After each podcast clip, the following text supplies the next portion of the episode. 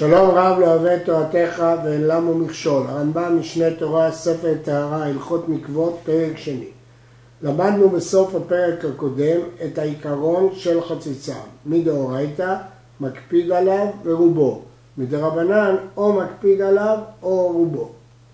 עכשיו נפרט את סוגי החציצות. אלו חוצצים באדם, לפלוף שחוץ לעין. זאת הלכה שמצטברת בריסים ובצירי העיניים. וגלד שעל גבי המכה, הלכה הנקרשת סביב פצע. וסם יבש שעל גבי המכה. במשנה כתוב שרף יבש שעל המכה, הרמב"ם אומר שזה סם, כל מיני תרופות ומשכות ששמו על המכה.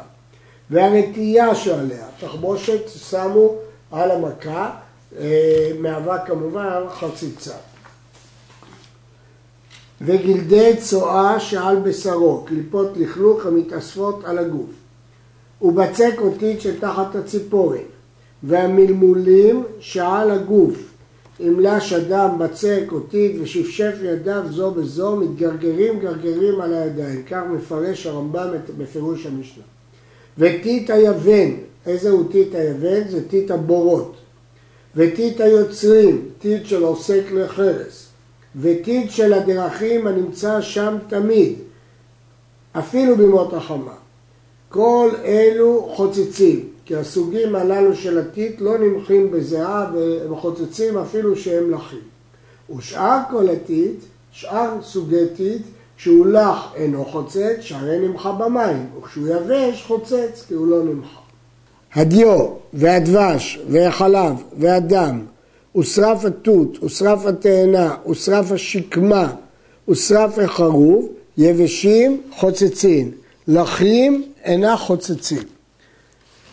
לגבי המשקים שהוזכרו בתחילת ההלכה, דיו, דבש, חלב ודם, מפורש בגמרא שדווקא ביבשים הם חוצצים, אבל בלחים הם לא חוצצים.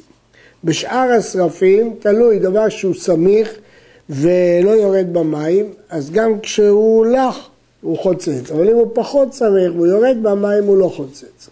ושאר כל השרפים, בין לחים בין יבשים, חוצצים. בדם שנשרח בבשר, אפילו לח חוצץ.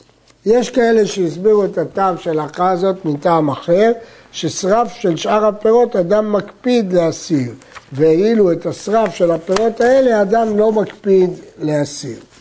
דם שנשרח הוא דם שנדבק בבשר וקשה מאוד להוריד אותו, ובני אדם מקפידים עליו ולכן זה חוצץ. העבר והבשר המדולדלים באדם חוצצים. מקורה של ההלכה הזאת בתוספתא, אבל בגרסה שלפנינו נאמר להפך שהם אינם חוצצים, וכך גרס הרש והסמג, אבל הראש והמאירי גרסו ופסקו כמו הרמב"ם שהם חוצצים. מה הטעם של ההלכה הזאת? שברגע שהעבר או הבשר נדלדלו הם נחשבים כתלושים, מילא הם בעצמם מהווים חציצה. בית הסתרים באישה חוצץ עד שתדיח תחילה, שהזיעה שם תמיד, והאבק מתקבץ וחוצץ. במה דברים אמורים? בנשואה, אבל בפנויה, הואיל ואינה מקפדת, אינו חוצץ. הכלל הוא כל שמקפיד עליו חוצץ, כל שאינו מקפיד עליו אינו חוצץ. והרמב"ם מסביר בפירוש המשנה, אישה פנויה אינה שמה לב ואינה מקפידה כל כך על אותו הלכלוך.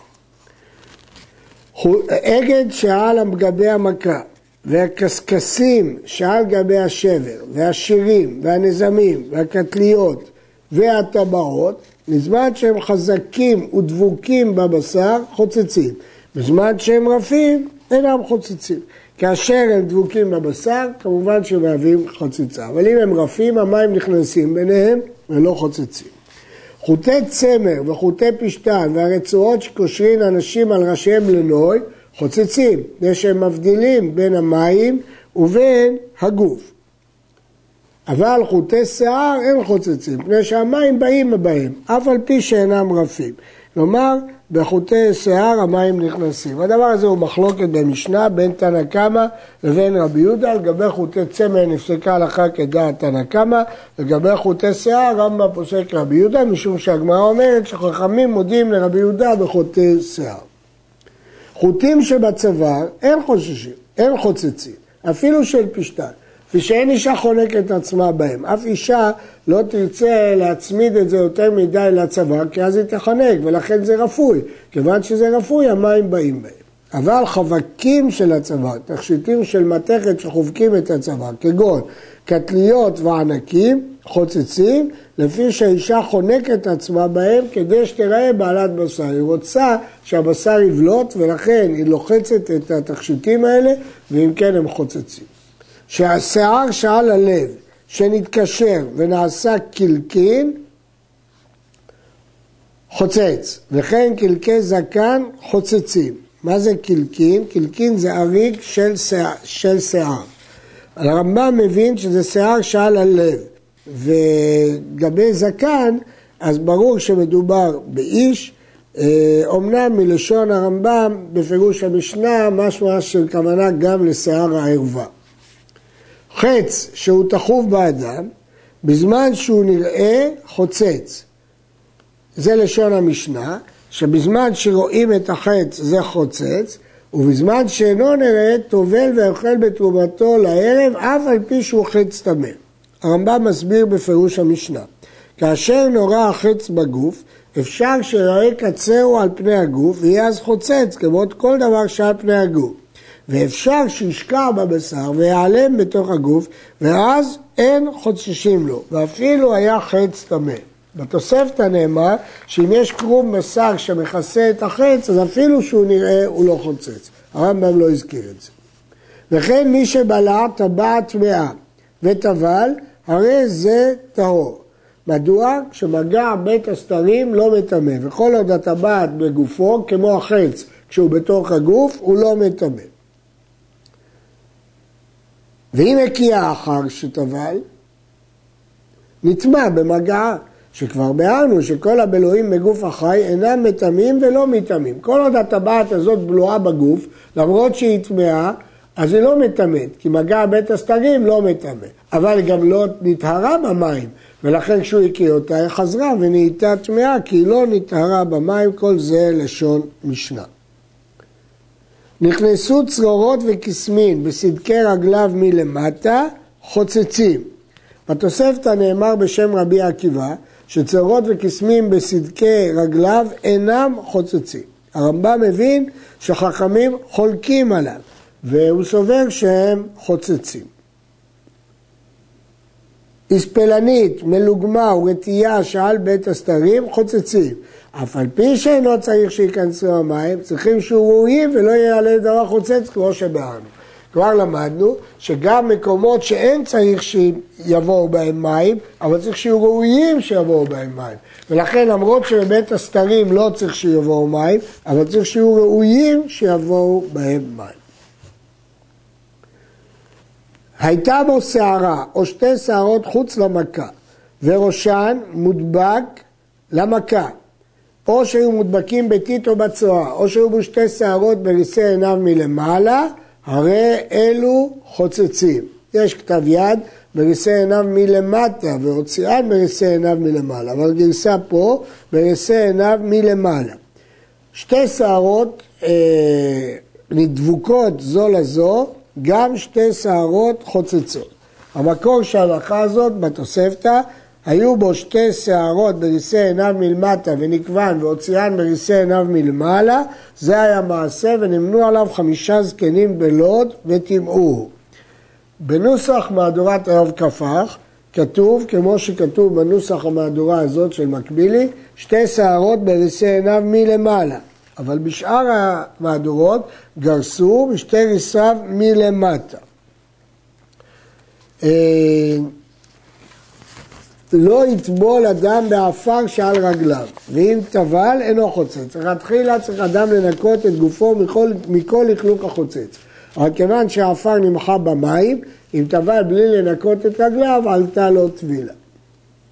האוחז באדם ובכלים והטבילם, הרי הם בטומאתם, כי האחיזה שלו חוצצת. ואף על פי שריפא ידיו עד שבאו בהם במים, אז בפועל המים כן נכנסו, גזירה שמא לא ירפא. אולי פעם אחרת הוא לא ירפא.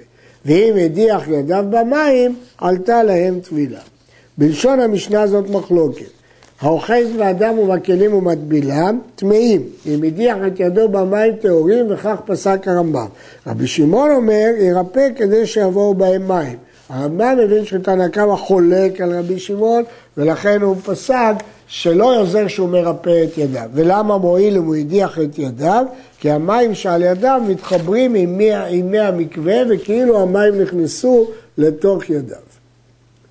המפשלת בנה לאחוריה וטבלה, לא עלתה לטבילה. שם הטיט היה ברגלי התינוק או בידו, ונדבק באמו בשעת טבילה וחצץ, ואחר שעלתה נפל. אז אנחנו חוששים שאולי היה שם טיט ונפל. הפסק הזה של הרמב"ם היא בגרסת ערך. גרסת ערך בסוגיה אה, בנה וטובלת לא עלתה, לה, לא עלתה לו טבילה. זאת גרסת ערך בגמרא במסכת נידה. שואל בעל ספר מעשה רוקח, מדוע אנחנו מחמירים ופוסלים את הטבילה? הרי זה ספק דרבנן, כי מדאורייתא רק רובו הוא מקפיד עליו חוצץ. אז כיוון שזה ספק דרבנן, ויש פה ספק אם היה בוטית או לא, יש לפסוק לכולה. מוכרחים לומר שבגלל שהטעם הוא משום גזרה שרבנן גזרו, החמירו בו. או שנאמר שזה לא ספק, אלא קרוב לוודאי שכל תינוק יש עליו בוץ. נידה שנתנה שערה בפיה, זה לשון משנה, או שקפצה ידה, או שקרצה בשפתותיה, או שנמצא בצק בשפתותיה, או שנמצא עצם בין שיניה, כאילו לא טבלה. המים צריכים להגיע לכל גופו ושערו של אדם. הם לא צריכים להיכנס לתוך הפה, לתוך האוזן, אבל המקומות האלה צריך שיהיו ראויים שייכנסו בהם מים. ולכן, למרות שהמים לא צריכים להגיע לתוך הפה ולגעת בשיניה, אבל אם יש שם עצם ואם יש שם סתימת השפתיים, המים לא נכנסים. ההלכה הזאת נוגעת מאוד בזמננו לגבי סוגי סתימות שבין השיניים, מתי הן חוצצות ומתי הן לא חוצצות. וכן שאר הטמאים, נתנה מעות, לאו דווקא נידה, הדין הזה בכל הטמאים. נתנה מעות בפיה וירדה וטבלה, טהרה מטומאת הנידה, והרי היא טמאה על גב רוקה, ונמצאה ראשון לטומאה, כמי שנגע ברוק הנידה, וכן הדין בזה. טומאת הנידה היא אב הטומאה. הטומאה הזאת טהרה בטבילתה, ולכן היא מותרת לבעלה, ואינה מטמאה אדם וכלים כמו נידה. אבל היא ממשיכה לטמא אוכלים ומשקים, כי היא נטמעה מהרוג, אז היא ראשון לטומאה. המעות שנמצאו בפיה לא מהוות חציצה, כי הם לא דבוקים לפה, ולכן המים ראויים לבוא לפה. לאחר שהרמב"ם פירט את כל הדברים שחוצצים, הוא יעסוק עכשיו בדברים שלא חוצצים, ואלו שאין חוצצים באדם. קלקי הראש ובית השחר ובית הסתרים באיש, לפלוף שבעין, לא שחוץ לעין אלא בעין, גלד שאלת המכה, לא גלד שעל גבי המכה, אלא גלד שהעלתה המכה, אז כל זה לא חוצץ. נפרש. קלקי הראש ובית השחי, תזבחות שמסתבך השיער ומדבק. אה, בית הסתרים באיש, למדנו שבית הסתרים באישה נשואה חוצץ כי היא מקפדת, אבל באיש אינו חוצץ כיוון שהוא לא מקפיד. לפלוף שבעין זיהום שמתהווה בתוך העין עם חלטה, בתוך העין, שם דיברנו על מחוץ לעין. גלד שאלת המכה, דיברנו שיש גלד בתוך המכה, זה לא חוצץ. לכלוכי צואה שעל בשרו, ויש גורסים לכלוכי צואה, כלומר כשזה לח, וכך מפרש הרמב"ם בפירוש המשנה, טינופי הלכלוך שהם לחים. וצואה שתחת הציפורן, לכלוכי הציפורניים, אם כן, מעיקר הדין, לכלוך שתחת הציפורן אינו חושש, אינו חוצץ. אה, הקטן וציפורן המדולדלת, במשנה נאמר שציפורן המדולדלת איננה חוצצת, בתוספתא נאמר שדווקא ציפורן שפירש רובה אינה חוצצת, והקסמישנה דן ביחס בתוספתא. וקשות הקטן, מה זה קשות הקטן? והוא השיער הדק שעל בשרו, שיער דק מאוד, כל אלו אין חוצצים. אה, בלשון המשנה כתוב שקשות אינו מטמא ואינו מטמא, אבל הרמב"ם פסק את זה לגבי חציצה, כנראה לפי גרסה אחרת שהייתה לו במשנה, שזה על חציצה ולא על טומאה. שתי שערות או יתר, שהיו קשורים כאחד קשר אחד, אינם חוצצים, פני שהמים באים בהם. קשר של שתי שערות הוא לא קשר הדוק, ולכן המים נכנסים. אבל הוא שערה אחת שקשרה חוצצת, כי הקשר שלה הוא הדוק. והוא שיהיה מקפיד עליה, כי אמרנו שבמיעוטו שאינו מקפיד הוא לא חוצץ, אבל מיעוטו שמקפיד גזרו עליו. אבל אם אינו מקפיד עליה, עלתה לו טבילה, עד שיהיה רוב שערו קשור נימה נימה בפני עצמה, כזה הורו הגאונים. שיטת הגאונים נובעת מכך שהגמרא אמרה, דבר תורה רובו המקפיד עליו חוצץ, רובו שאינו מקפיד אינו חוצץ, וגזרו על רובו שאינו מקפיד, וגזרו על מיעוטו שמקפיד. אז לכן, אם רוב שערו קשור נימה נימה, אף על פי שהוא לא מקפיד, זה רוב, כיוון שזה רוב, אז גזרו עליו. ויראה לי ששערו של האדם כגופו הוא חשוב לעניין טבילה. ואינו כגוף בפני עצמו כדי שנאמר רוב השיער, אלא אף על פי שכל שיער ראשו קשור נימה נימה, אם אינו מקפיד עליו עלתה לו גופו, אלא אם כן יצטרף לחוצץ אחר שעל גופו, כמו שבאנו, אחת הנידה ואחת שאר הטמאים שיש בראשם שיער. אומר הרמב"ם שהוא חולק על הגאונים, מדוע? מדוע להחשיב רוב שיער? מה שכתוב רובו, אפילו שאינו מקפיד חוצץ, זה רוב הגוף. אז מה אכפת לי שזה רוב השיער? גם אם יהיה כל השיער, זה לא כל הגוף, זה לא רוב הגוף. והרי אמרנו שגזרו על רובו שאינו מקפיד. הרייבד השיג על הרמב"ם וכתב כדברי הגאונים, הוא העיקר. אבל הכסף משנה אמר שאין בזה הכרח. שולחן ערוך פסק כדברי הגאונים. המאירי אומר שהדברים האלה הם לא רק לגבי שיער, אלא על כל עבר רימו הוא נידון בפני עצמו. תקנת עזראי שתהיה אישה חופפת שערה ואחר כך תטבול. זו אחת מעשר התקנות שתיקן עזרא שמפרשות במסכת בבא קמא. הגמרא מקשה מדוע צריך היה עזרא לתקן, הרי מהתורה היא חייבת לעשות כדי שלא יהיה חציצה, התשובה היא מהתורה היא חייבת לבדוק, אבל עזרא תיקן חפיפה.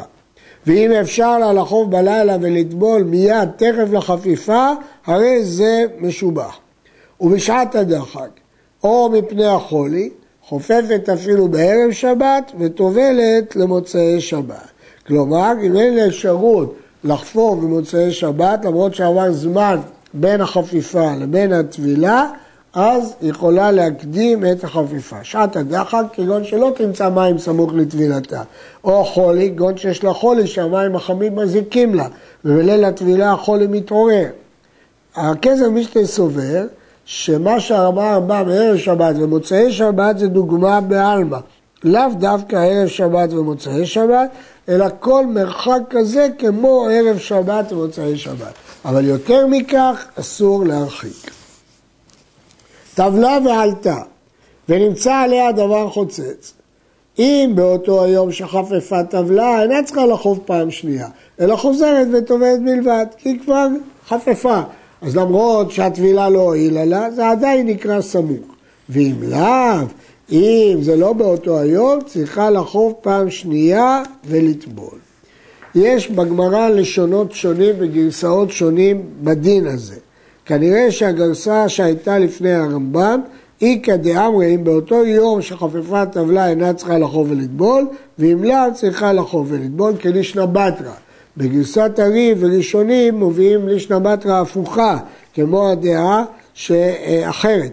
והרמב"ם גרס כגרסה הזאת, הרייבן גרס כגרסת הריב ולכן הוא הקשה על הרמב"ם. לא תחוף אישה בנטר מפני שהוא מקטף את השיער ולא בהל מפני שהוא מסרך את השיער אלא בחמין ואפילו בחמי חמה מפני שהחמין מיישרים את השיער ומסלצלים אותו, אבל הצונן מקבצים את השיער ומכלכלים אותו ומתקשר. המים החמים מיישרים את השיער וכך הלכלוך עובר, אבל מים קרים הם מקשים, אה, מסבכים את השיער והלכלוך לא עובר. נידה שנתנה תבשיל לבנה וטבלה לא עלתה לטבילה, מפני השמנונית שעל ידה. כך מפורש בגמרא במסכת נידה. כמובן שרק בתבשיל הראוי להידבק בה, וכך פוסק הרמר"ן בשולחן ערוך יורד דעה. שרתה בשרה והוציאה דם וטבלה. בתוך שלושה ימים אין מקום הסריטות חוצץ, כי הוא לא הגליד. לאחר שלושה ימים הרי מקום הסריטות חוצץ ושאדם כופה שם קרוש כגלת שעל גבי המכה. וכן לפלוב שבעין, אם היה יבש והוא שהתחיל להוריק, חוצץ בנידה. כוחל שבעין אינו חוצץ, שעל גבי העין חוצץ, ואם היו עיניה פורחות, אף על גבי העין אינו חוצץ.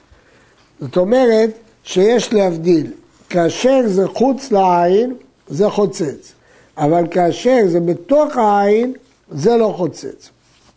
אה, הסימן שנותן הרמב"ם שהוא התחיל להוריק. ולכן כוחל שבעין אינו חוצץ, שעל גבי העין חוצץ, לפלוף שבעין אם הוא יבש אז הוא חוצץ. פתחה עיניה, רק צריך להסביר מה זה היו עיניה פורחות. כוחל הוא סוג של איפור צבע כחול. אה, הכוחל שבעין לח מחמת העין ולכן הוא לא חוצץ, אבל חוץ לעין הוא יבש. שעיניה פורחות, רש"י מפרש שהיא פותחת ועוצמת את עיניה תדיר. וזה גורם שנשארת שכבה דקה של כוחל ואין בו ממש. ויש אומרים שפורחות הכוונה דומעות, והרטיבות מלכלכת את הכוחל. הכזב משנה כתב שהרמב"ם פסק כהסברו הראשון של רש"י, וכך פסק בשולחן ערוך אם הייתה פותחת ועוצמת עיניה תדיר. הטור הבין שהרמב"ם הציע פירוש שלישי שהיא פתחה את עיניה בשעת הטבילה.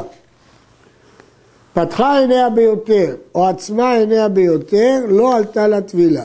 כי הפתיחה גורמת לחציצה בחלק העליון, והפתיחה גורמת לחציצה בחלק התחתון. כך כותב המאירי, עצמה ביותר מונעת שאין תוכו של עין ראוי לביאת מים. פתיחתה ביותר מחברת עפפים עם גבות העיניים, עד שאין מקום שביניהם ראויים לביאת מים. במה דברים אמורים? על כל הדברים האלה שלא עלתה להם טבילה, מהלכה י"ט ועד כאן, לעניין טהרות, לעניין תרומת נידה אם היא נגעה בתרומה. אבל להתירה לבעלה הרי זו מותרת, הטבילה הזאת עלתה לה. אף על פי שנתת תבשיל לבנה, שאמרנו שיש שמנונית, או שהיה בה סרט ישן, שאמרנו שיש גלת, או שהיה אגב עיני הכוחל, ואין פתחה עיני עצמה, אתה הרי זו מותרת לבעלה. מדוע? הרי לכאורה יש פה חציצה. אומר הרמב"ם שכל הדברים האלו וכיוצא בהם אינם אלא מדבריהם, ולעניין טהרות גזרו, לעניין בעילה לא גזרו. לכן זה דין מיוחד שכל הגזרות האלה גזרו לעניין טהרות, אבל לא גזרו לעניין בעילה. המודחי והסמ"ק כתבו שהכוונה שזה לא פוסל בדיעבד, אבל לכתחילה ודאי שצריך להחמיר ולהסיר את אותם הדברים. וכל החוצץ בנידה לטהרות, חוצץ בשעת טמאים לעניין טהרות, וחוצץ בבגד בשעת טבילה. מי שטבל ועלה ונמצא עליו דבר חוצץ, אף על פי שנתעסק באותו המין כל היום כולו, הרי הוא בטומאתו. כלומר, אני לא תולה שזה בא אחרי הטבילה, עד שיאמר יודע אני בוודאי שלא היה זה עליי קודם הטבילה. למה? הרי זה ספק. הואיל והוחזק טמא, העמד טמא על טומאתו עד שתדע שבוודאי טהר. כך מפורש בגמרא בחולין. כלומר, שאני לא אומר פה מקלים בספק, כי הוא בחזקת טומאה. כיוון שהוא בחזקת טומאה, אז מספק הוא טמא עד שידע לך בוודאות שהוא טהר. עד כאן.